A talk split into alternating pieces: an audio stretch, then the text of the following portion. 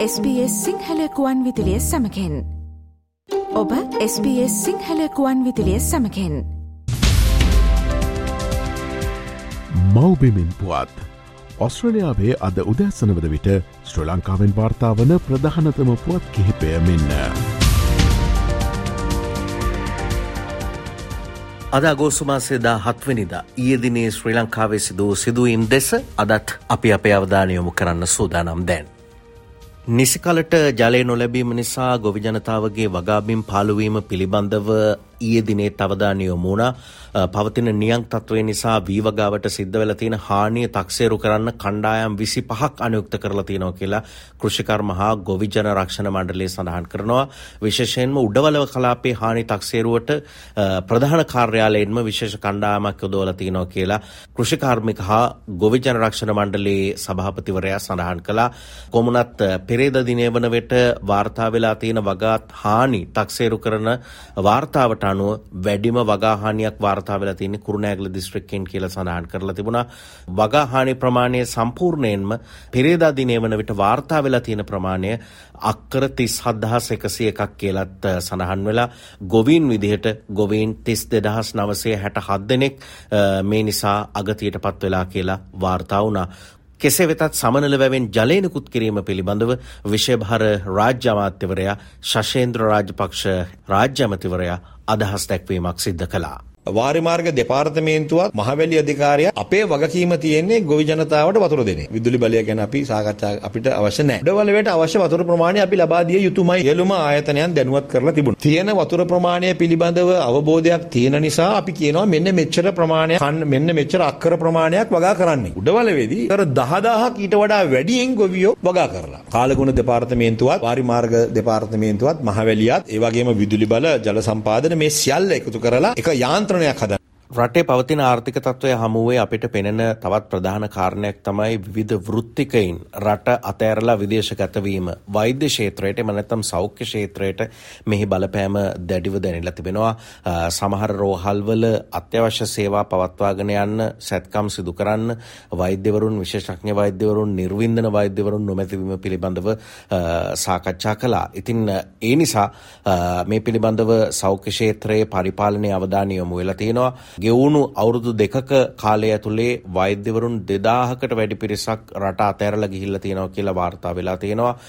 ඉතින් මේ වෛද්‍යවරු පෞද්ගලික අවශ්‍යතා මත විදෙස්ගත වෙද්දි මේ සීමා කිහිපයකට පමණක් ඊට අවසර ලබා දෙන්න සෞඛ්‍ය මාත්‍යංශය තීරණය කරලා තියෙනව කියලත් වාර්තා වෙනවා. කොමුණත් මේ තත්ත්වය දිගින් දිගටම සිද්ධ වෙනවා. ඒ සම්බන්ධයෙන් විධ පාර්ශව අදහස් දක්වමින් ඉන්නවා. වෛද්‍යවරුන්ගේ අවශ්‍යතාව සපුරන්න ඉදිරියේදී තියෙන අවස්ථාව කොමක්ද කියන එක ඊයේ දවසේ සෞඛ්‍ය අමාත්‍යාංශ ලේකම්වරයා සඳහන් කළා. ඔව් අපි දැනටමත් මේ බොහොමයක් ඒ වගේ රෝහල් වලට වැඩ බැලීමේ පදනම නැකර අනිකුත් රෝහල් වල ඒ කළමනාකරණය කිරීමක් සිදු කරනවා. විශේෂයෙන්ම අපිට ශේෂඥ වෛද්‍යවරු ඒ පුහුණුව අවසන් කළා 600 ගණනක් එන්න නිමිතව තියෙනවා. අධ්‍යාපනයේ රටක අනාගතයට සෑහෙන බලපෑමක් සිද්ධ කරනවා. අධ්‍යාපනයේ යාවත්කාලින වීම පිළිබඳව ලෝකෙම අවධානය තියෙනවා. ශ්‍රී ලංකාවෙත් අධ්‍යාපන ප්‍රතිසංස්කරණ පිළිබඳව දැන් කාලයක් තිස්සේ සාකච්ඡා වෙමින් තිබෙන කාලවකවානුවක පාසලක පැවැත්වුණු ත්‍යාග ප්‍රධානෝත්සවයක් අතරතුර ජනාධිපතිවරයා අධ්‍යාපනයේ වෙනස් වීම පිළිබඳව අවධානය යොමු කරා. එතුම සඳහන් කළේ අධ්‍යාපන ක්‍රමයේ වෙනසක් සිද්ධ වුණේ නැත්නම් රටට අනාගතයක් නැහැ කියන කාරණය.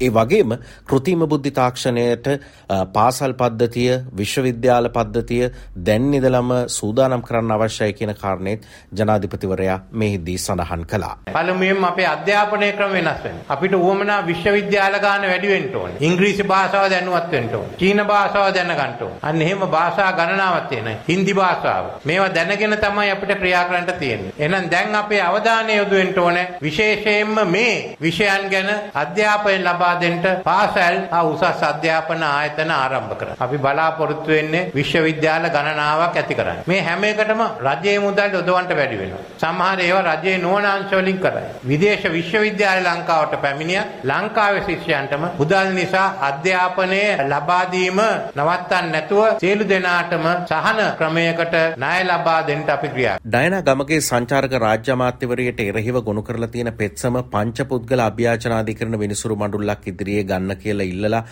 මෝසමක් ගොනු කරලා තිබුණා මේ මෝසම ගොනු කරේ ඕෂල හේරත් කියන සමාජ ක්‍රියාකාරිකයෙක් ඔහු නීතිඥවරුන් මාර්ගයෙන් මේ මෝසම අභ්‍යාචනාධිකරණය ගොනු කරලා තිබුණා. ඩයනගමගේ රාජ්‍යමතිවරයගේ පාර්ලිමේන්තු මන්ත්‍රී දුරේ අහෝසි කිරීමේ නියෝගයක් නිකුත් කරන්න කියලා තමයි ඔහු පෙත්සම ගොනු කරලා තිබුණේ. කොහොමනත් මේ පෙත්සමට අදාළව පසුගියදා බෙදුණු නඩු තීන්දුවක් ප්‍රකාශයට පත් වුණු නිසා මේ පෙත්සම යළිත් අභ්‍යාචනාධිකරණ විනිසුරු මඩුල්ලක් ඉදිරියේ විභාග කරන්න අධිකරණය අවසර දීලා තියෙනවා. ඒ අනුව සැප්තැම්බර් 14 වනදා මේ පෙත්සම විභාගයට ගැනීමට නියමිතව තියෙනවා කියලා වාර්තා වෙනවා. ශ්‍රී ලංකාවේ ආර්ථිකය සම්බන්ධයෙන් අවධානය යොමු කරද්දී දැන් කෙමෙන් කෙමෙන් ජාත්‍යන්තර මූල්‍ය අරමුදලේ දෙවන ණයවාරිකය ලබා ගැනීම පිළිබඳව අදහස් ප්‍රකාශ වෙමින් තිබෙන කාල සීමාවක් ජාත්‍යන්ත්‍ර මූල්‍ය අරමුදල සමග එකග වූ කොන්දේසි විශාල වශයෙන් මේ වන විට සපුරල තියෙන නිසා ණය ප්‍රතියෝගත කිරීමේ ක්‍රියාවලියත් එක්කම ජාත්‍යන්ත්‍ර මූල්‍ය අරමුදලේ විසිරණ ණය පහසුකමේ දෙවන වාරිකය ලබා ගැනීම පිළිබඳව සාකච්ඡාවමින් තිබෙනවා. කොමුණත් ජාත්‍යන්ත්‍ර මූල්‍ය අරමුදලේ නියෝජිතයින් කණ්ඩායමක් ලංකාවට එන්න නියමිතයි කියලා වාර්තා වෙන්නේ ලබන මාසේ සැප්තැම්බර් මාසේ 14 වෙනිදා ඉඳලා 27 වෙනිදා වෙනකන් ඔවුන් ශ්‍රී ලංකාවේ සංචාරය කරනවා කියලා තමයි ජාත්‍යන්තර මූල්‍ය අරමුදල සඳහන් කළේ. ලංකාවට ලබා දීපු විස්සීරණ ණය මුදලේ පළමු සමාලෝචනය සිදු කරන්න මේ නියෝජිත පිරිස ලංකාවට එන්න නියමිතයි කියලා තමයි ජාත්‍යන්තර මූල්‍ය අරමුදල සඳහන් කරන්නේ මේ සාකච්ඡාවලින් පස්සේ දෙවන වාරිකය ලබා ගන්නත් සූදානමක් තියෙනවා කියලා වාර්තා වෙනවා. ඒ පිළිබඳ අවශ්‍ය පසුබිම දැන් සකස් වෙලා තියෙන නිසා මේ වෙලාවේ තියෙන ආර්ථික අර්බුදය යම් ආකාරයකට සමනය කරන්න ජාත්‍යන්තර මූල්‍ය අරමුදලේ දෙවන ණය වාරිකය ලබා ගන්න සූදානම් කියලායි වාර්තා වෙන්නේ. මම ශ්‍රී ලංකාවේ සිට මනෝජ් උදටියාවල. බෞබිමෙන් පුවත් ශ්‍රී ලංකාවෙන් වාර්තාාවන ප්‍රධානතම පුවත් කිහිපය SBS සිංහල සේවෙන්.